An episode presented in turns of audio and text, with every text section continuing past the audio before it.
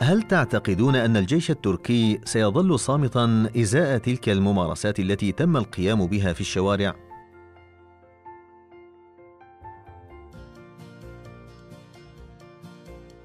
من واجب الحكومة أن تسارع بالكشف عن الذين قاموا بهذا العمل وتقديمهم للقضاء، وبذلك ستتم تبرئة من لم يشارك في الانقلاب وتنفى عنهم التهم.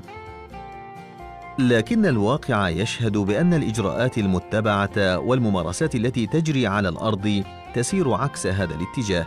لقد وقعت منذ البداية أحداث مؤسفة فقد تعرضت سمعة الجيش التركي للإهانة من خلال عرض صور على شاشات التلفزة الموالية للحكومة لضباط رفيع المستوى في صورة مهينة وعليهم آثار التعذيب أثناء التحقيق معهم كما تم ضرب أحد الجنود الذين كانوا يتواجدون في الشارع حتى لفظ أنفاسه الأخيرة في حين أن هذا الجندي لم يكن على علم أساسا بسبب خروجه إلى الشارع.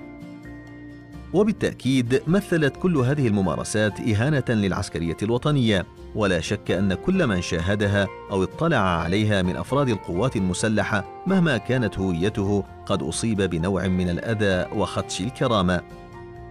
اللافت في الأمر أنه كان هناك فئة بين الجماهير التي خرجت بإخلاص لإنقاذ الوطن من شر الانقلاب كما صور لها تقوم بالسيطرة على الشوارع وتمارس هذه الأعمال الوحشية يظهرون بين الناس وكأنهم أفراد من شعبنا العاديين في حين أن مكانة الجيش في نفوس الشعب التركي لا تسمح له بممارسة هذه الأفعال. أشارت بعض التحليلات والكتابات أن الفئة التي انخرطت في صفوف الجماهير يبدو عليها أنها مدربة ومجهزة سلفا للقيام بهذه الأفعال فملابسهم وطريقة تعبيراتهم وخطاباتهم تشبه إلى حد كبير تعبيرات وملامح المنظمات المتطرفة من أمثال داعش والقاعدة وغيرهما. هذا فضلا عن أنهم كانوا مدربين على قيادة آليات ومركبات صعبة كد هل تعتقدون أن الولايات المتحدة ستسلمكم إلى نظام أردوغان مقابل صفقات سياسية بين الطرفين؟ إن موضوع المطالبة بتسليم ليس أمرا جديدا ظهر بعد محاولات الانقلاب الفاشلة بل قام رئيس الجمهورية الحالي عقب فضائح الفساد في ديسمبر 2013 الذي كان حينها رئيسا للوزراء بمطالبة أمريكا علنا أمام حشود من مؤيديه بتسليم لهم. ورغم مرور زمن طويل على هذه التصريحات الجماهيرية لم تتخذ الحكومة التركية أي إجراءات رسمية في هذا الشأن. وحسب ما أوردت بعض وسائل الإعلام فقد كان المسؤولون الأتراك في معظم لقاءاتهم التي تجمعهم مع نظرائهم الأمريكيين يبحثون معهم هذا الطلب ويقدمون لهم بعض الحوافز لتحقيق ذلك. واحيانا يربطون هذا الملف ببعض المصالح الاستراتيجية المشتركة. لكن المسؤولين الأمريكيين لم يعيروا اهتماما لهذا الابتزاز كما أن المنظومة القضائية هنا تعمل بشكل حيادي ومستقل ولا تخضع لهذا النوع من الابتزاز والتهديدات. ولا أظن أن أمريكا ستغامر بسمعتها في ملفات حقوق الإنسان والعدالة لا سيما على أراضيها من أجل إرضاء رغبات شخصية متقلبة كهذه. لقد أرسلوا مؤخرا إلى هنا تقارير ملفقة تم ترتيبها في وقت مسبق تمتلئ بمزاعم لا دليل على صحتها. أعتقد أن المؤسسات القضائية تدرس تلك التقارير وتناقش ما إذا كانت تتضمن وثائق جادة ولكن أرى أن القناعة السائدة لدى المتابعين لهذا الشأن في أمريكا أنه لا يوجد أدلة مقنعة تقتضي تسليم لهم. وأجدها مناسبة لأكرر ما سبق ورددته سابقا في جميع لقاءاتي الإعلامية لتؤسس لجنة دولية من قبل أطراف محايدة تكون مهمتها التحقيق في ملابسات ما جرى في تركيا على أن يوفروا لهؤلاء المحققين المناخ الآمن بحيث يضمنون سلامتهم الشخصية هم وعوائلهم وساعتها سأرضى بكل النتائج التي تقرها اللجنة. وإذا كان من بينها إدانتي فسأعود بكل طواعية إلى بلادي مسلما نفسي للعدالة لتتخذ في حقي ما تشاء. وأعتقد أن هذا طريق أيسر من الضغوط وممارسة أساليب وطرق سياسية ملتوية. اتهمكم أردوغان بقيادة انقلاب ضده في تركيا لكنكم وصفتم ما جرى بأنه مسرحية. فما دليلكم أن ما حدث مسرحية؟ إنني أقول هذا بناء على المعلومات التي تناثرت هنا وهناك لكني لا أتهم احدا بشخصه فقد قدر لي أن أشاهد كل الانقلابات التي جرت منذ العام 1960 وعايشت أجواءها كلها وكنت هدفا للبعض منها وعانيت كثيرا بسببها لذلك أعرف ما يمكن أن يطلق عليه انقلابا نوعا ما. وبناء على كل ما عايشته خلال الانقلابات السابقة يمكنني القول إن هناك لعبة ما في تفاصيل هذا الانقلاب المزعوم. فمثلا لم يبدأ أي واحد من الانقلابات السابقة بإغلاق للجسور ولا تتم الانقلابات في وضح النهار أو في ساعات الذروة من الليل والتي تكون الجماهير فيها لا تزال في الشوارع كما حدث في الأخير. لكن وصفنا له بالمسرحية لا يعني ابدا الاستهانة بالأرواح التي راحت ضحية لهذه الأحداث سواء من المدنيين أو من أفراد الشرطة والجيش. فأنا أدعو الله أن يتقبلهم عنده من الشهداء. قد تختلفون معي في وجهة النظر هذه لكن اسمحوا لي أن أقول إن الانقلاب له منطق معين فهو يبدأ بمن هم على رأس الهرم لأنهم الهدف النهائي. لكن الأمور لم تجري على هذا النحو في تلك الليلة مما يعني أن الانقلاب نفسه لم يكن هدفا وإنما الهدف هو إخراج الأحداث في صورة انقلاب لتحقيق أهداف أخرى من ورائه ما كانوا ليحققوها في الظروف العادية. ولذلك قاموا بهذا الانقلاب الصوري فألقوا القنابل في مبان فارغة وبدلا من الذهاب إلى أماكن المسؤولين بدأوا يهاجمون الشعب ولم يحدث أي مساس بأي سياسي. لذا رأينا السياسيين يستعرضون عضلاتهم على شاشات التلفزة لساعات طويلة بينما الأحداث تجري على أشدها في الشوارع بين الجماهير وأفراد وآليات من القوات المسلحة. لم تحدث أي مداهمة لأي مبنى تلفزيوني سوى مبنى التلفزيون الرسمي TRT بشكل عرضي ولفترة محدودة في الوقت الذي كانت تبث فيه قنوات التلفزة الأخرى خطابات وتصريحات المسؤولين الحكوميين ونداء نداءاتهم للشعب وتحريضهم له على الخروج لمواجهة الجيش. لهذا كله شككت في كونها انقلابا حقيقيا إذ لم يكن واحدا من الانقلابات التي عشتها من هذا القبيل. أضف إلى ذلك العدد المحدود جدا من الآليات كالدبابات ومركبات الجنود التي تواجدت في الشوارع واعتلتها الجماهير في مشهد استعراضي كأنها أرسلت لذلك. بل إن بعضا من المدنيين اقتحموا هذه الدبابات وقاموا باستخدامها وقيادتها مما يلقي نوعا من ظلال الشك على نوعية هؤلاء المدنيين وطريقة تواجدهم في هذه الأماكن تحديدا. فمنذ بداية الأحداث فهم كل من له عقل ممن رأوا هذا المشهد ولديهم اطلاع على ماهية الانقلابات أو شاهدوا إجراءاتها من قبل أن ما يحدث ليس من الانقلاب في شيء. كما أن الجنود الذين كانوا يتواجدون في الشوارع لم يكن لديهم علم بطبيعة المهمة المكلفين بها فقد قيل لهم إن هناك تطبيقات عسكرية لذلك كانوا لا يعرفون إلى أين يتجهون بل إن أحد الجنود عندما سئل عن وجهته أجاب إن هناك إرهابيا سنذهب إلى اعتقاله وانتظروا منا الخبر.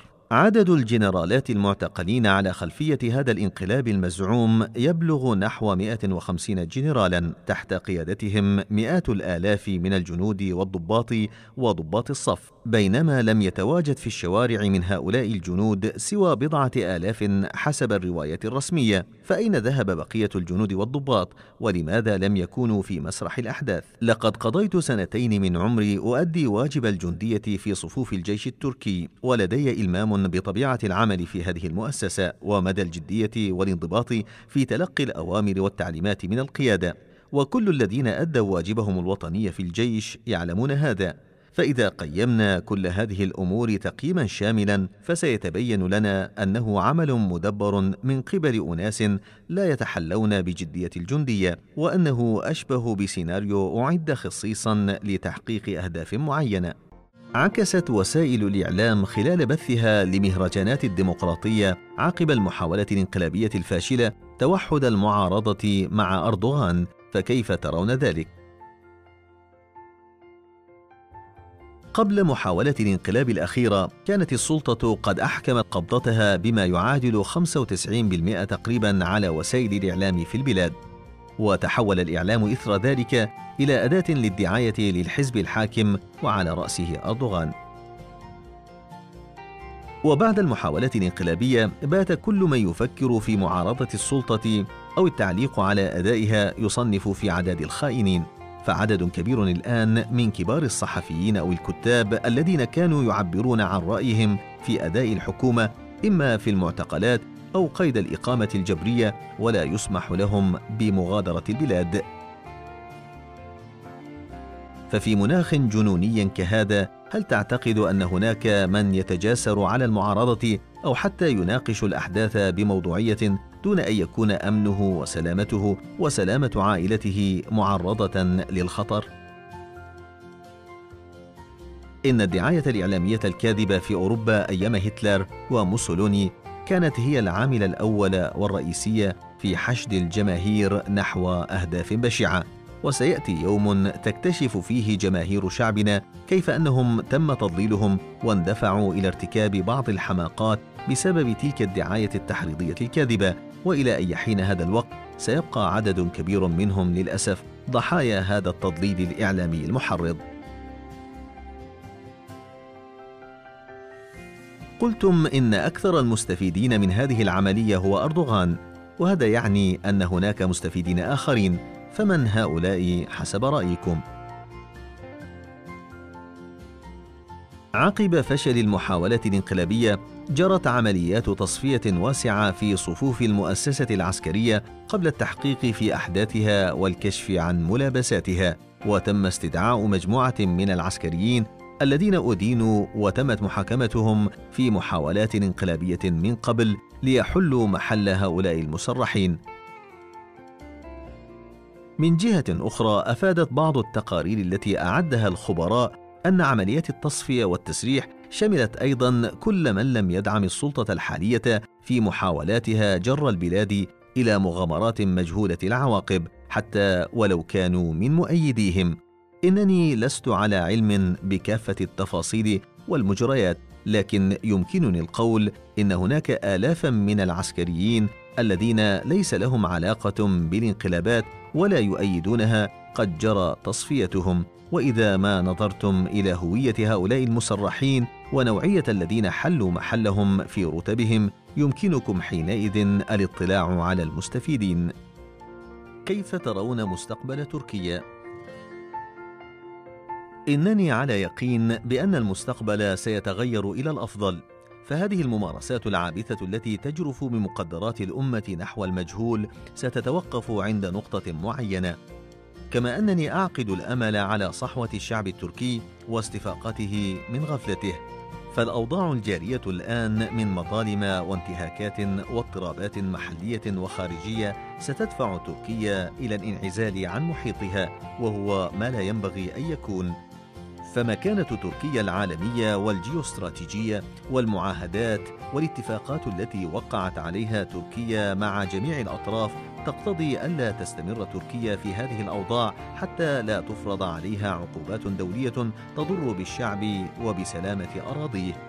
لذلك يحدوني الأمل بأن يتحكم المنطق السليم وأن يغلب منطق الدولة على منطق الأشخاص المغامرين وتحتكم البلاد إلى أعرافها المتبعة في مثل هذه الأحوال وتعود إلى المسار الديمقراطي الذي بدأت تنتهجه في بدايات حكم العدالة والتنمية سعيا إلى تحقيق متطلبات شروط الانضمام إلى الاتحاد الأوروبي في بدايات الألفية الثالثة إذا كان هناك احتمال أن تسلمكم الولايات المتحدة فهل تفكرون في القدوم إلى مصر؟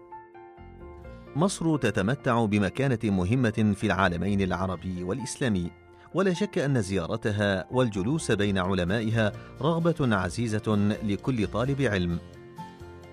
وقد بلغتني أنباء عن توجيه بعض الوجوه الثقافية والسياسية دعوة لاستقبالي في مصر، وهذا موقف يستحق الإشادة والثناء وتوجيه الشكر لمن فكروا فيه وبهذه المناسبة لا يسعني إلا أن أتقدم بجزيل الشكر والتقدير للقيادة المصرية على موقفها النبيل والشهم حيث وقفت حائلا ضد استغلال تركيا لمنظمة التعاون الإسلامي في محاولاتها لإدراج الخدمة ضمن الكيانات الإرهابية.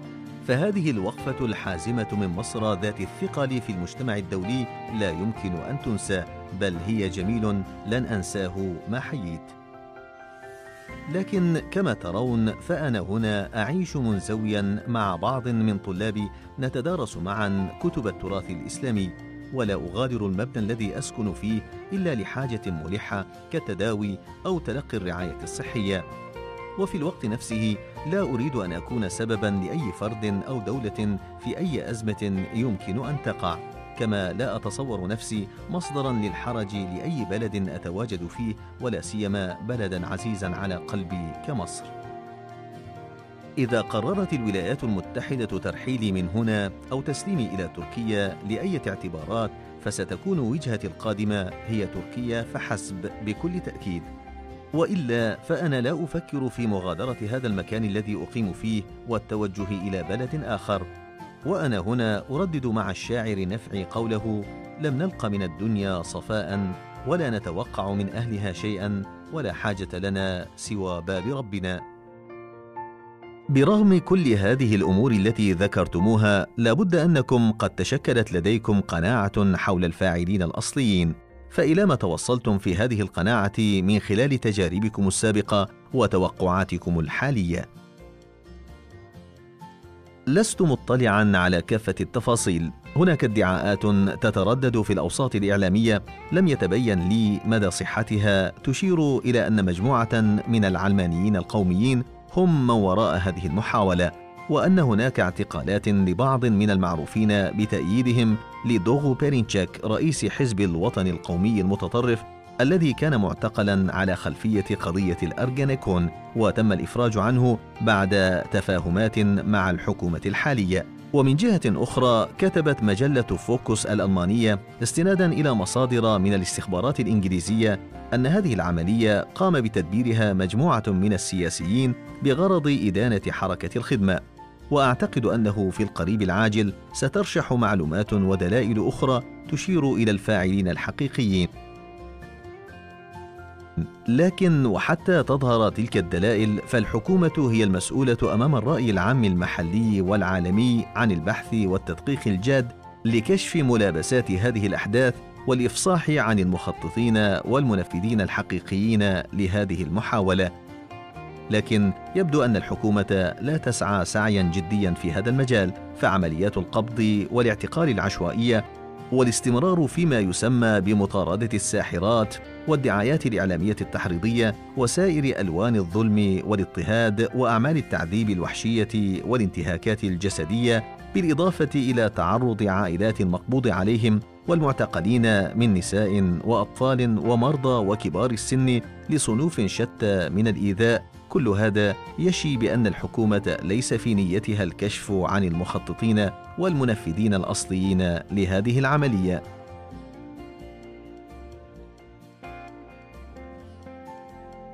لماذا الخدمة؟ إن محبي الخدمة والمتطوعين فيها قد نأوا بأنفسهم عن الانخراط في العمل السياسي وابتعدوا تماما عن كل ما يمت بصله للإسلام السياسي. لكنه بعد وصول المنتمين إلى فكر الإسلام السياسي إلى سدة الحكم وتمكنهم من مراكز القوة وصناعة القرار بدأوا ينظرون إلى كل الحركات ذات المرجعية الإسلامية والناشطة في المجتمع المدني بأنهم يجب أن يعلنوا لهم ولاءهم ويقوموا بمبايعتهم على غرار نظام البيعة التقليدي المشهور في التراث الإسلامي. فالشخص القابع الآن في سدة الرئاسة زار كثيرا من الشخصيات عندما كان بصدد تأسيس حزبه عام 1999 وقد زارني أيضا لطلب الدعم وتلقي النصائح. وقدمت له بعض التوصيات بناء على ما أبداه لي من جدية وإخلاص. لكن تبين لاحقا أنه كان مخادعا فقد حكى عنه بعد مدة أحد الذين رافقوه في هذا اللقاء أثناء مغادرته وهو في المصعد قوله ينبغي القضاء على هؤلاء اولا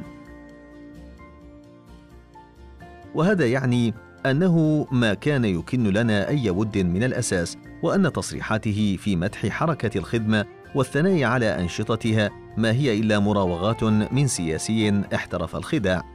لقد كان دعمنا له في البداية بناء على ما قطعه على نفسه تجاه الشعب التركي من وعود فقد وعد بدعم الحريات واحترام القانون وتعديل الدستور وتعزيز الديمقراطية والسعي قدما في سبيل الانضمام إلى الاتحاد الأوروبي وتلبية المتطلبات المتعلقة بذلك في ملفات الديمقراطية والحقوق والحريات واحترام الإنسان. لكن مواقفه تغيرت كليا عقب الاستفتاء العام على الدستور عام 2010 فقد علق الوعد بتعديل الدستور على دعمنا له في النظام الرئاسي ثم طووا ملف تعديل الدستور هذا كليا وطالبونا بالدعم العلني للنظام الرئاسي وتأييدهم مطلقا في كل مواقفهم. وأن ندور معهم في تقلباتهم حيث داروا. لم يستطيعوا أن يفهموا أن دعمنا لهم أو انتقادنا لأدائهم ليس مرتبطا بهم بقدر ما هو مرتبط بمبادئنا التي نتمسك بها دائما. لقد قلبوا لنا بعدها وجه المجن وأفصحوا عن وجههم الحقيقي تجاهنا. لم يتحملوا أن يكون هناك اتجاه في البلد له تأثير في الرأي العام بمقتضى نشاطاته وفعالياته المجتمعية ولا يمكنهم التحكم فيه لذا قرروا التخلص منا تماما بدأوا أولا بتوفير مؤسسات بديلة للخدمة من أموال الشعب ومن ميزانية الدولة، وبذلوا كل ما في وسعهم في سبيل ذلك، سواء في الداخل التركي أو على مستوى العالم. ولما فشلوا في ذلك لأنهم لم يكن لدى أفرادهم الروح نفسها التي يتحلى بها أبناء الخدمة المتطوعون فيها، قرروا الاستيلاء على هذه المؤسسات التي أنشأها المجتمع بنفسه وبدلا من حيازتها وإدارتها إدارة حكيمة من طرف الدولة أعلنوا افلاسها وأغلقوها ثم وزعوها فيما بعد على المقربين منهم. وهم الآن يحاولون الشيء نفسه في الخارج لكن باءت كل محاولاتهم تلك بالفشل لأن الله لا يصلح عمل المفسدين. اتهمكم أردوغان بقيادة انقلاب ضده في تركيا لكنكم وصفتم ما جرى بأنه مسرحية. فما دليلكم أن ما حدث مسرحية؟ هناك من ردد بأن هذا العمل قام به القوميون العلمانيون ومنهم من ذكر الكماليين المتطرفين ومنهم من ذكر ثلاث فئات ومنهم من ذكر خمسا وهناك جهات ذكرت أنه تم الدفع بمجموعة من المتدينين في المقدمة ليكونوا في الواجهة ويحملوهم المسؤولية. على كل لا بد من إجراء تحقيق شامل عادل ونزيه للكشف عن ملابسات هذا الانقلاب وفضح من وراءه. ولكن إجراء تحقيق بهذه الأوصاف في ظل الأوضاع الراهنة في تركيا أمر يصعب تحققه. اللهم إلا إذا انعقدت لجنة دولية للتحقيق في الأمر ساعتها يمكن الوصول إلى نتائج سليمة. ومن جهة أخرى لا بد أن ننظر إلى الأمور بنظرة أكثر شمولية حتى نقف على المخططين الاستراتيجيين لهذه المحاولة ومن هم المستفيدون منها بدلا من الغرق في التفاصيل. لقد مر وقت ليس بالقليل على الأحداث حتى الآن. ومع كل هذه الإجراءات التي اتخذوها نستطيع القول إن الجهود المبذولة بغرض الكشف عن المخططين والمنفذين الحقيقيين لا تسير بصورة جدية حتى الآن.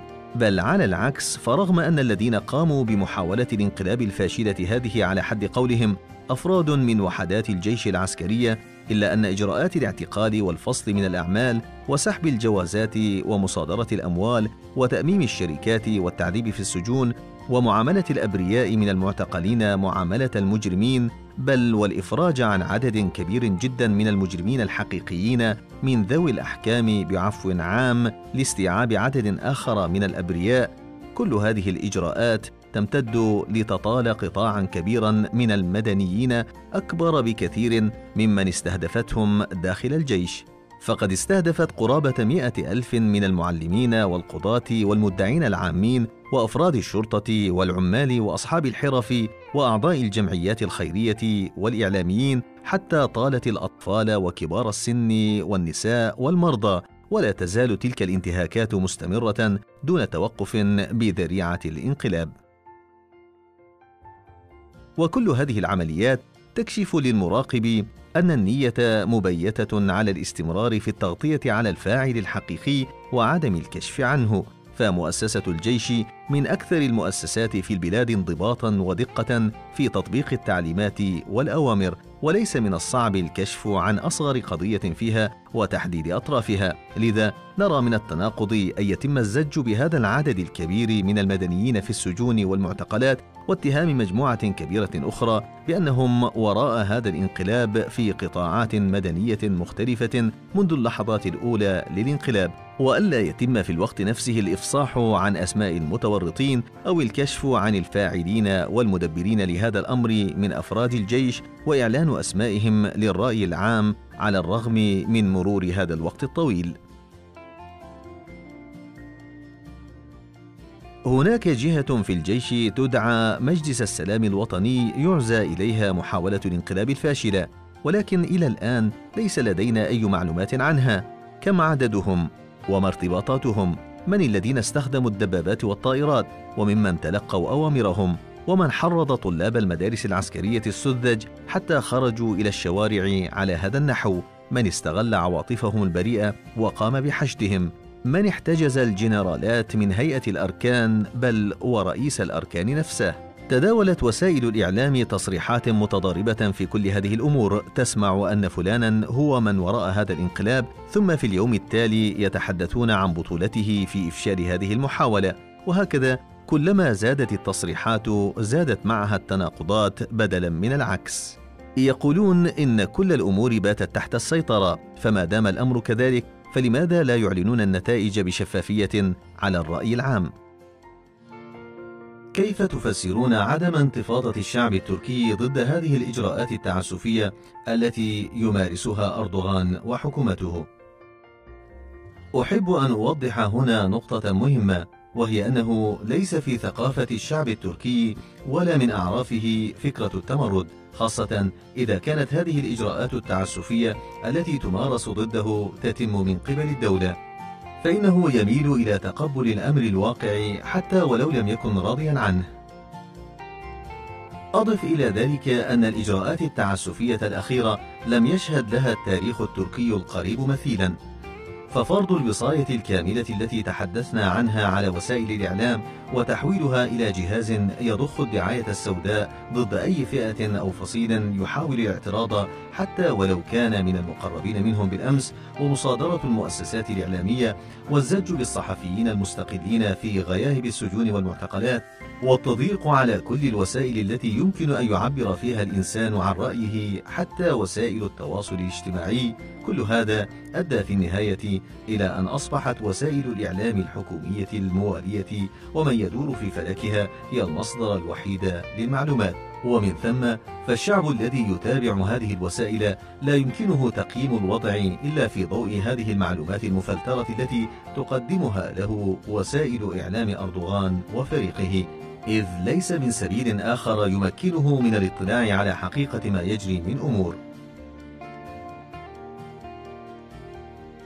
وبعد فضائح الفساد في ديسمبر عام 2013 والإجراءات التي اتخذوها في سلكي القضاء والشرطة التي تحدثنا عنها آنفا لم يكتفوا بذلك بل وجهوا نوابهم في البرلمان لإصدار قانون أسموه الاشتباه أو الشبهة المعقولة وهو قانون يتيح للقضاء إصدار مذكرات اعتقال في حق من تحوم حوله الشبهات دون وجود أدلة تدينه. كما أسسوا محاكم خاصة تتكون من قضاة مقربين أطلقوا عليها محاكم الصلح والجزاء يحال إليها هؤلاء المعتقلون بناء على تلك الشبهة المعقولة. فصارت القوانين والمحاكم والاعتقالات بذلك أداة للعقوبات السياسية. وفي سلك الشرطة أيضا قاموا بالتخلص من خيرة رجال الشرطة الذين تلقوا تدريبات عالية المستوى في أوروبا وأمريكا ولديهم خبرة عالية في الكشف عن الجرائم والتعامل مع مرتكبيها ومنع العمليات الإرهابية قبل حدوثها. فضلا عن رعاية القوانين واحترام حقوق الإنسان واستبدلوا بهم آخرين من المقربين. وبدلا من أن تكون الشرطة جهازا لخدمة الشعب يمثل الحقوق والعدالة صارت أداة في يد الحكومة تبطش بها كما تشاء وعاد التعذيب مرة أخرى إلى السجون والمعتقلات بعدما كانت حديثا يتناقله الناس عن الماضي.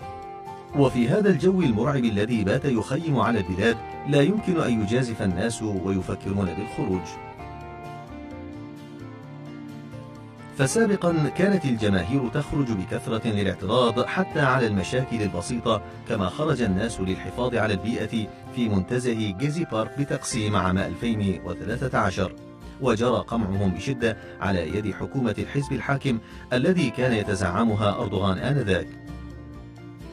ومن بعدها خفت حدة هذه الاعتراضات حتى تلاشت تماما بسبب الإجراءات التي قاموا بها والقوانين التي سنوها. والآن وبعد محاولة الانقلاب دع عنك فكرة توجيه النقد إلى الحكومة بل بلغ التعسف حدا أن يعدوك من الخائنين إذا لم تشترك معهم في الهجوم على خصومهم وتبني خطابهم.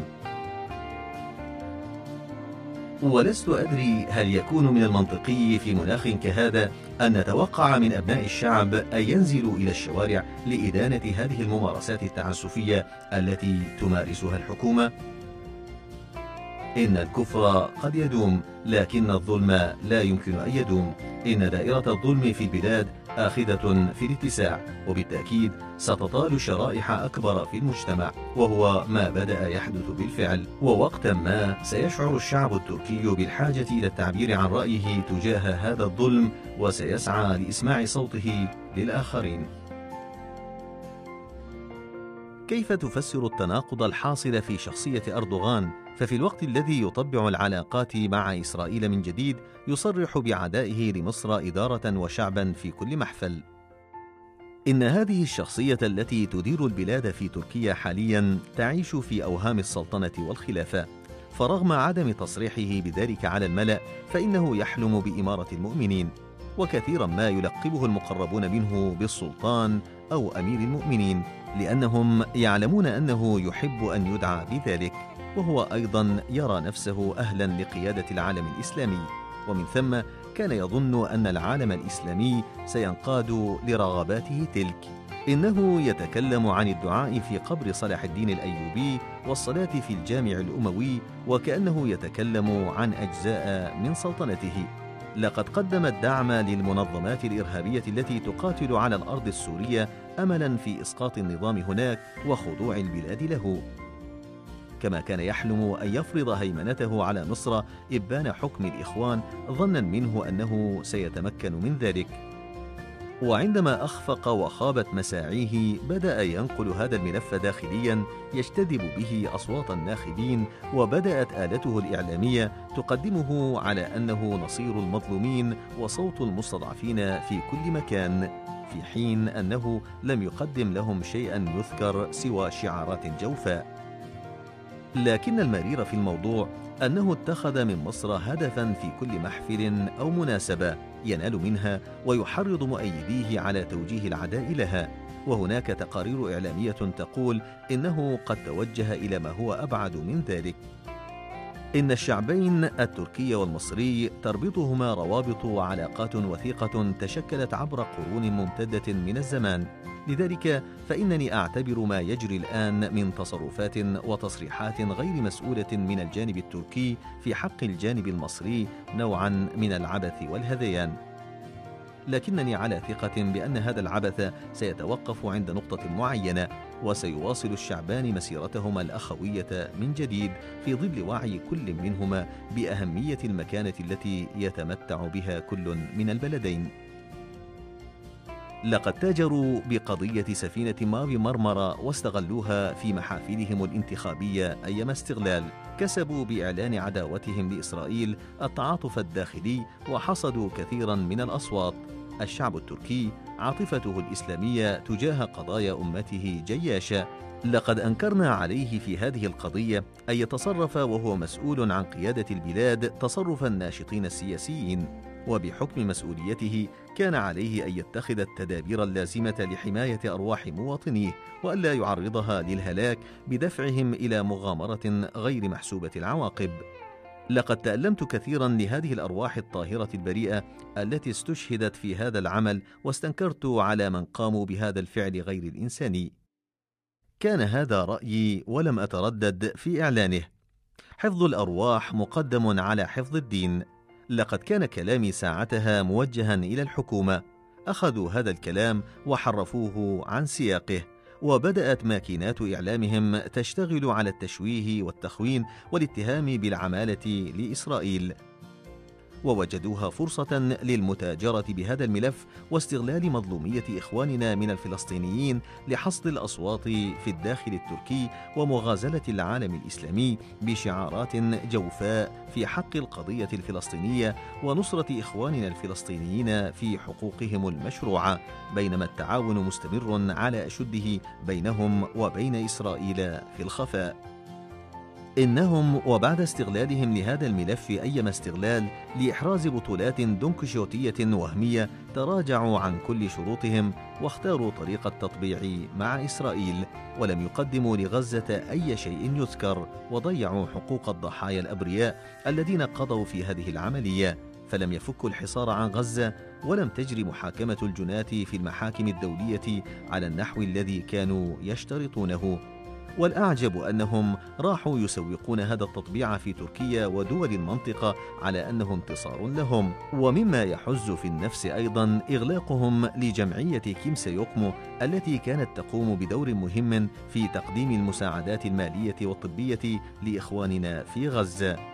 فكل ما سبق يبين لك مدى ما تنطوي عليه سريرتهم من خداع ومراوغة لا يليقان بالمؤمن حقا.